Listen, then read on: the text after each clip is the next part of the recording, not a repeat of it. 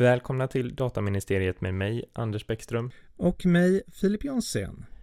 Eh, ja, vi lovade ju för ganska länge sedan nu att vi skulle fortsätta med det här, att vi skulle inte ställa in, utan vi skulle ställa om. Men den här omställningen har tagit lite tid för oss kan man väl säga. Eh, nu hoppas vi att vi får... Ja, det kan man lugnt säga. Men vi hoppas att vi får lite snurr på den nu va? Ja, det är väl, eh, jag får ju ta på mig det. Jag har ju byggt upp eh, min hemmastudio nu. Och eh, det här med monitorer och ljudkort och mikrofoner och datorer, det är ju kanske inte min styrka, även om jag tittar på massa YouTube-klipp. Hur, hur man borde göra. Så när jag gör som de gör på filmen så blir det inte samma effekt för mig. Nej men det, det är väl så. Det, jag, jag tycker mig känna igen det själv faktiskt. I, I värsta fall nu så spelar vi bara in dig. Och då får vi lägga ut det.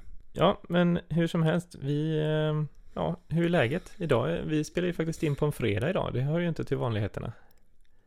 Nej, det hör inte till vanligheterna. Nej, men det, jag tycker att det är bra. Det är väldigt skönt att det är fredag.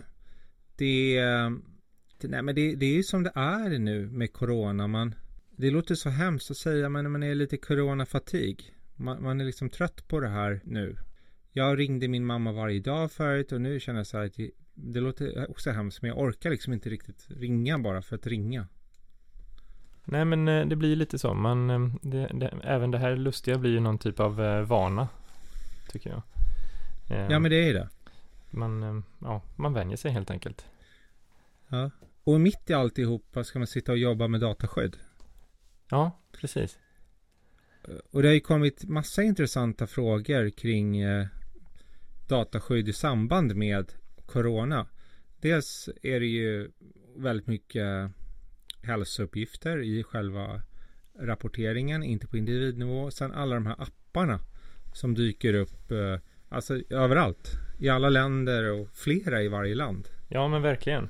Eh, det var ju lite spännande tycker jag med, eh, med Norges variant, va? Där, Ja, hur var det med den? Var den centraliserad eller decentraliserad?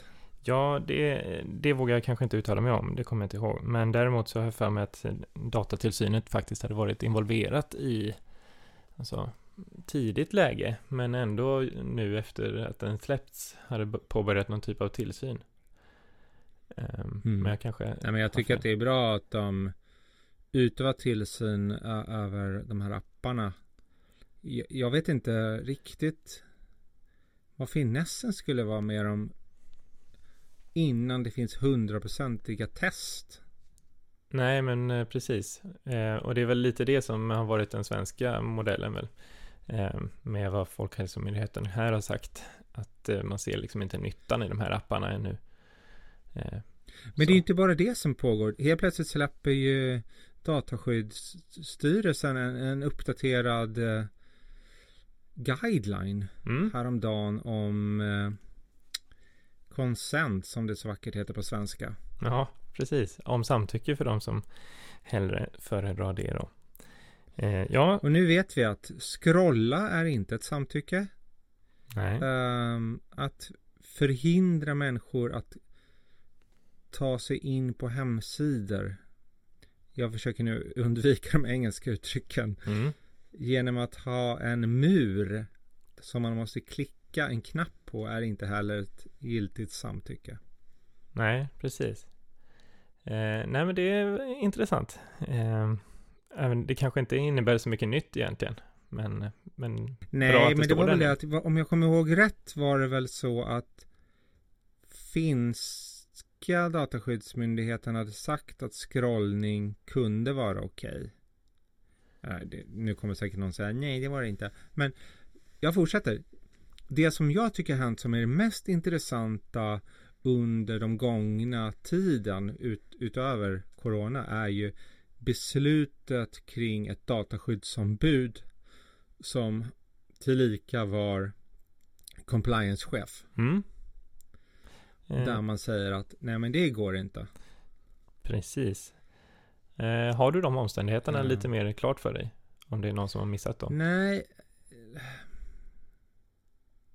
Alltså jag har ju lite klart. Om jag, om jag förstod det rätt är det ju så att det de gick på var ju inte den tillsynen på andras behandlingar.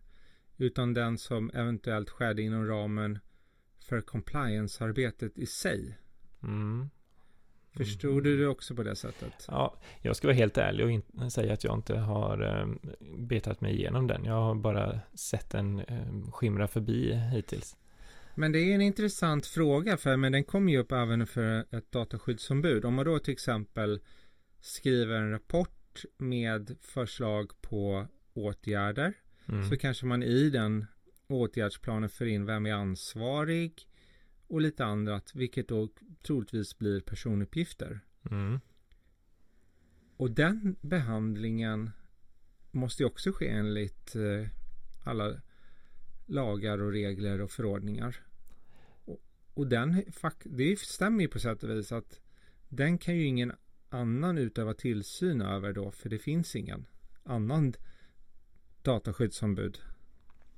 Utan det Eh, måste ju dataskyddsombudet själv vara ansvarig för att den behandlingen är följer reglerna. Lite så. Eh, det är ganska det- jag intressant. menar, det i sig kan ju inte det i sig kan ju inte diskvalificera ett dataskyddsombud att man har att man behandlar personuppgifter för det jag menar då kan man inte ens använda eh, e-post. Eller ja, det blir lite märkligt. Ja. Ja, vi får grotta ner oss lite djupare i där tror jag. Så kom, i, i mellantiden har ju också Statens servicecenter fått eh, en sanktionsavgift. Mm, ja, just det. Eh, och vad var det Andra i där då? Sverige. Det var att de var lite sena va? Tredje i Sverige menar jag såklart. Ja, precis. Ja, men de var lite sena va? Med att eh, anmäla en Ja, de hade ju inte enligt den bedömning som Datainspektionen gjorde. Mm, Ja. precis. Och med där är ju också, det här är ju intressant eftersom där kommer helt plötsligt biträdesroll och, och, och en mängd andra frågor in. Hur snabbt ska en biträde rapportera och, och de här när man inte är själv i behandlingen utan man har någon annan Mm. som är del. Antingen som ett biträde eller på något annat sätt. Mm. Ja, ja, det är mm, spännande saker som händer. Så kan man väl säga. Eh, Man kan ju ofta säga, jag menar nästan alla biträdesavtal har ju en, först en tid då biträdet har på sig att utreda innan man rapporterar. Och sen kommer ju den ansvariga få kännedom om ja, det blir ju inte bekräftat förrän den ansvariga har bekräftat att det är det, men så det går ju tid såklart. Och det kan ju vara ännu fler led. Det kan ju vara ett underbiträde.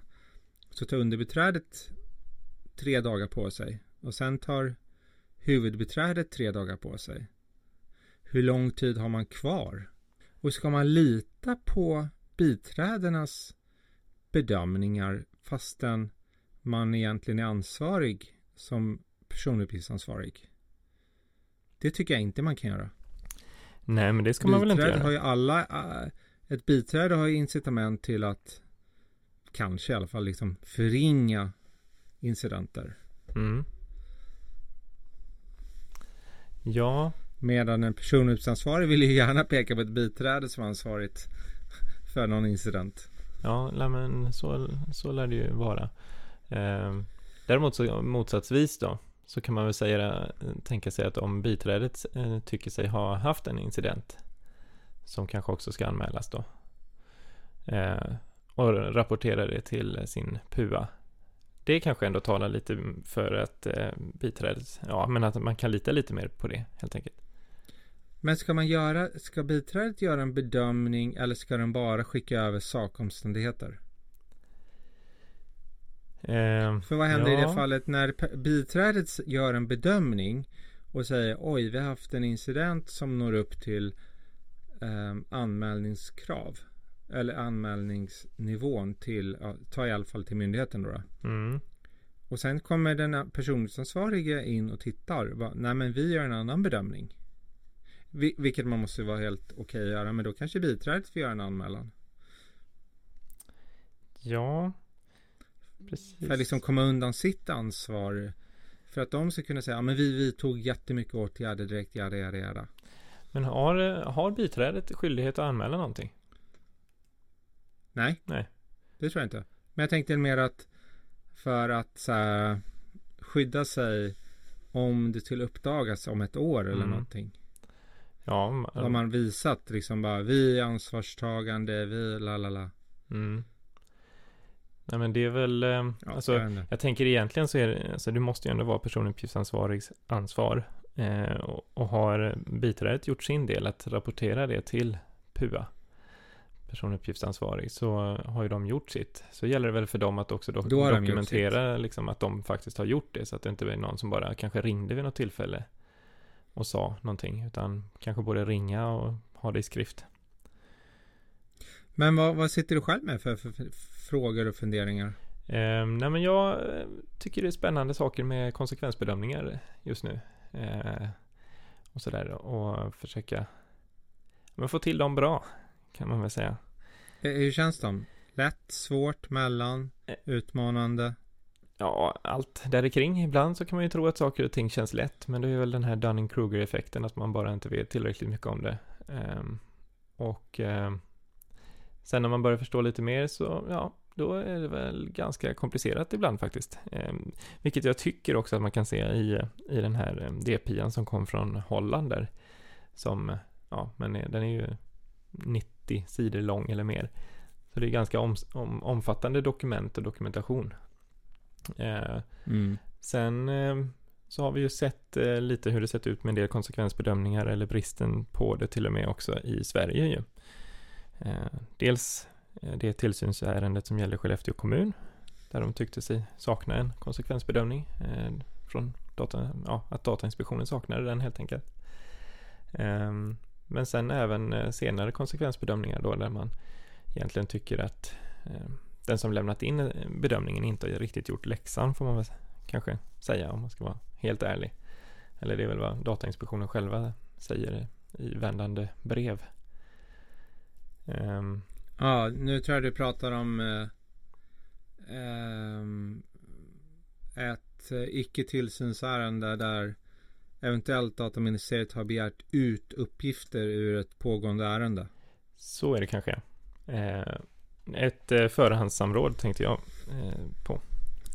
I och för sig. Ja, det tänkte jag också.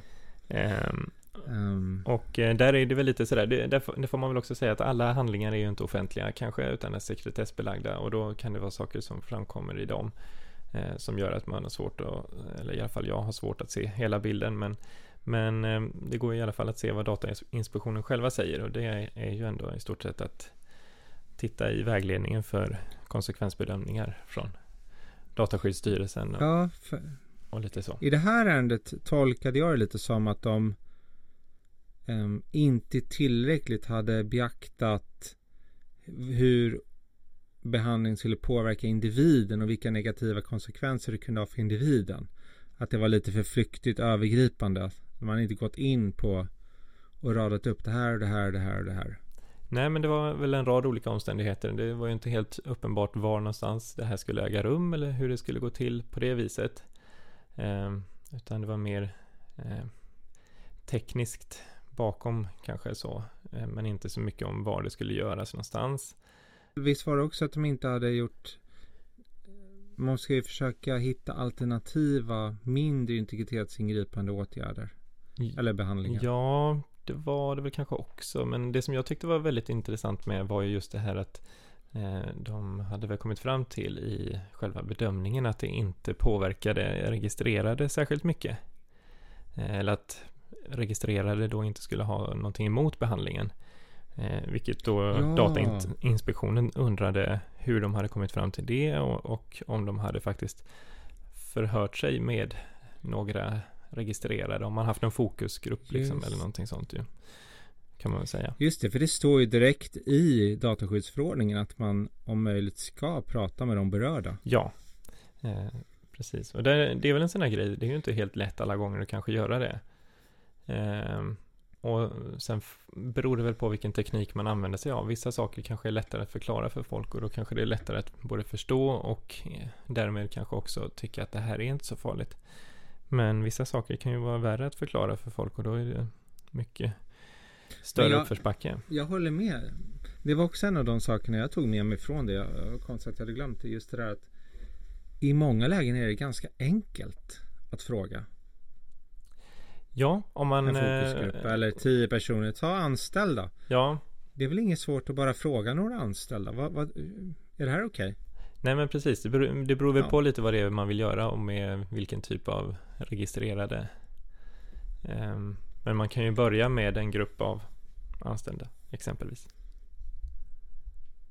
Jo men jag tänker även kunder som det var i det här fallet. Så det är väl inte svårare än att man ställer sig i, i där det här aktualiserades och gör en, en typ enkätundersökning. Vad skulle du tycka om det här hände? Mm. Nej, nej men visst. Det, Så det har man kanske inte någonting. behöver vara så svårt ändå. Ja men då har man ju någonting, en indikation. Bara, ja men det här, vadå, det, det är klart det är okej. Mm.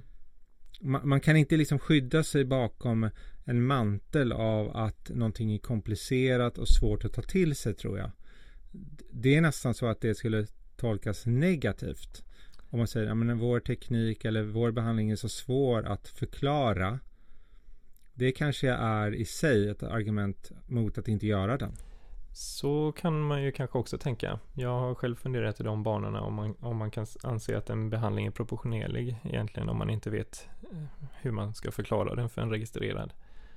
Ehm, och mm, nej men det, det är väl en intressant poäng. Det är otroligt svårt i den balansgången att förenkla men ändå förklara allt. Mm, precis som eh, artikel 1314 Ja. i sig. Ja. Ja, men det, det är verkligen komplicerat eh, eller avancerat och alltså det är alltid svårt att förklara någonting som är kanske svårt och som för den som är väldigt insatt i det så framstår det som enkelt. Men att förklara det för sådana som inte är lika insatta det är ju alltid en, en utmaning. Ehm, Men det är lite, nu, nu har det ju kommit de här nya formerna av ja, cookie banners eller kakinformation. mm, Och ja, jag känner att jag orkar inte läsa igenom alla olika kakor, vad de är till för, sätta av eller på. Det tar mig, det tar ju tio minuter innan jag hinner titta på den där hemsidan. Jag ville bara kika på något lite snabbt. Och jag menar hur många hemsidor besöker man under en surftid? nej Det är ju typ precis. så här 20-30 sidor. Och ska du läsa 20-30 informationer.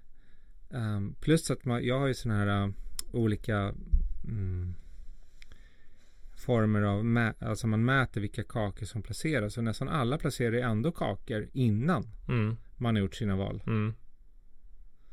Ja, Alltså hela den här kak, kakbiten.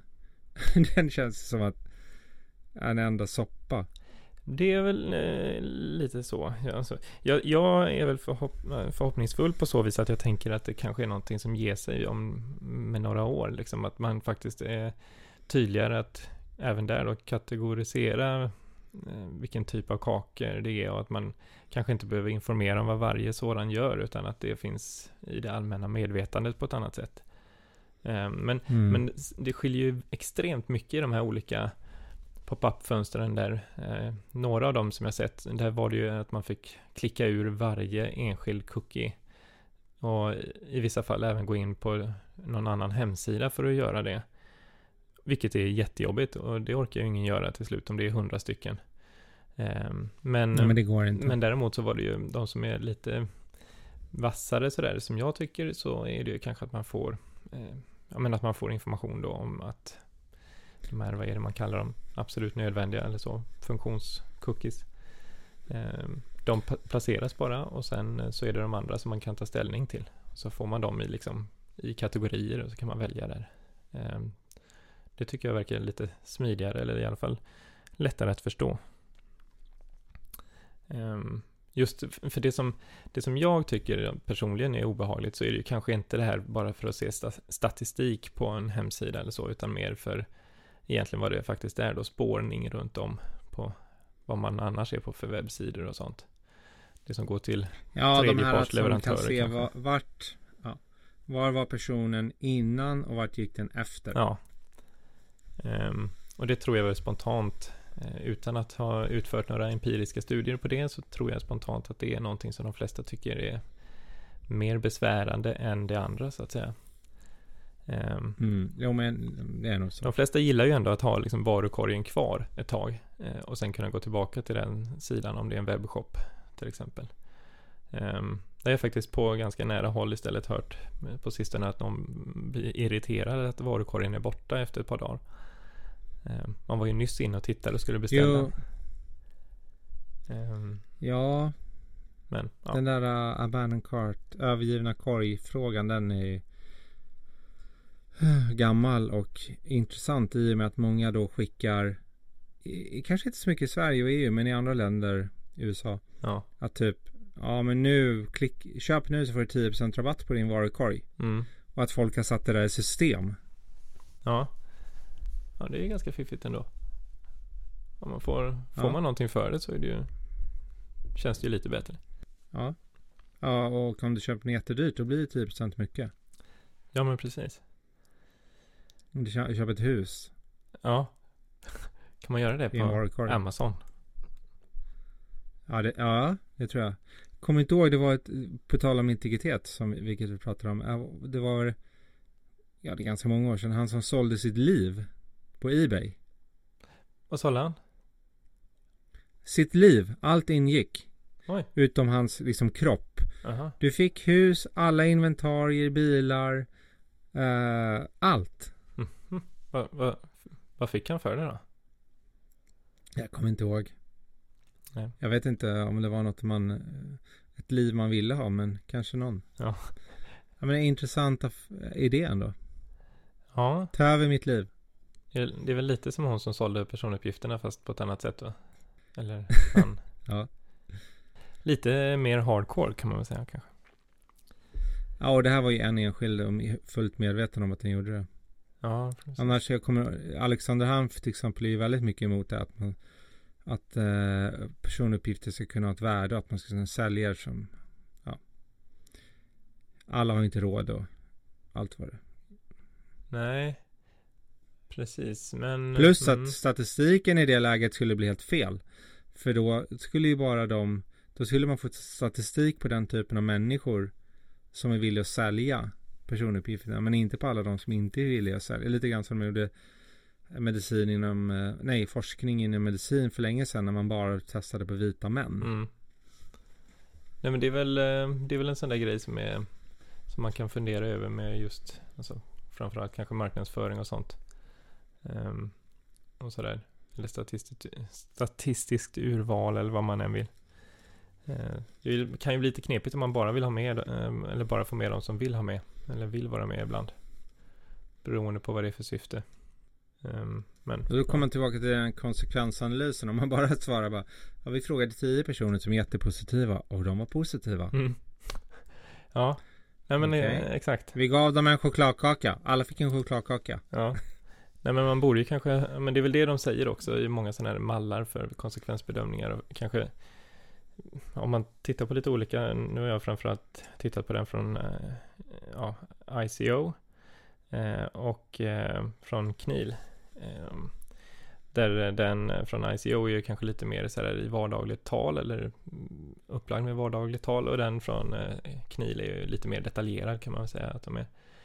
Ehm, men i ehm, åtminstone den senare så är de ju ganska mycket inne på vilka olika intressenter som kan vara intressanta att involvera i ehm, eh, konsekvensbedömningen. Alltså inte bara registrerade utan även andra då. Och det står väl i och för sig också kanske i dataskyddsförordningen om man tänker efter men men eh, ja, vilka som kan vara intressanta att ha med och då kanske det är faktiskt i vissa sammanhang kan vara intressant att ha med de som är starkast privacy förespråkare eh, beroende på vad det är man gör för någonting. Eh, men det, ja, eller underbiträden eller eh, ja, jurister heter det väl också, så finns det väl också några som heter.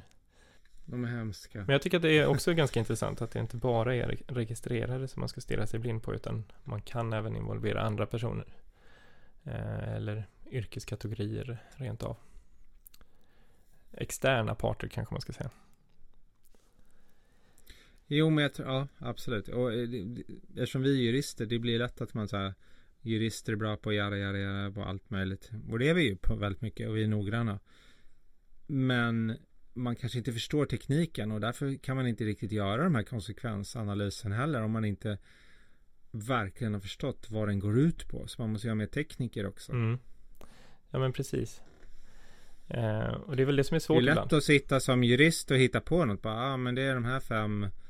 Det här kan de utsättas för. Men egentligen är det värsta trackingen liksom. Mm. övervakningen. Mm. Eh, men det syns väl också lite i, i, i eh, dataskyddsförordningen som i vissa delar ser ut att vara jurister som eh, försöker slänga sig med lite mer teknisk lingo liksom. På något vis. Men, ja. Ja, på tal om lingo. Jag har ju nu. Jag, jag känner så här att. Kommer du ihåg när vi pratade med Johan och Johan? Mm. eh, första gången. Så det här med att de länge kämpade för svenska. Och nu känner jag att jag ska också börja göra det. Mm.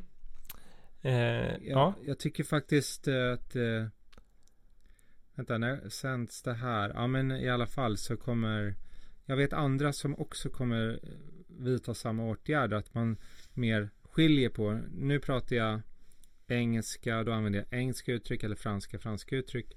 Nu pratar jag svenska. Då använder man dataskyddsombud. Möjligtvis då förkortningen DSO. Eller dataskyddsförordningen. Jag tycker det blir lite trevligare. Ja, eh, jag har också glidit lite mer mot det faktiskt. Jag brukar, eller börjar använda svenska termer allt mer. Sen blir det kanske lite lättare för mig att det blir så eftersom jag jobbar i ett bolag som har, ja men som kommunicerar på svenska och inget annat.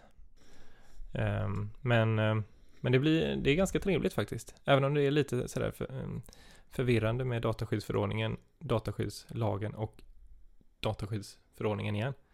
Eller kompletterande dataskyddsförordning eller vad, det, vad de heter.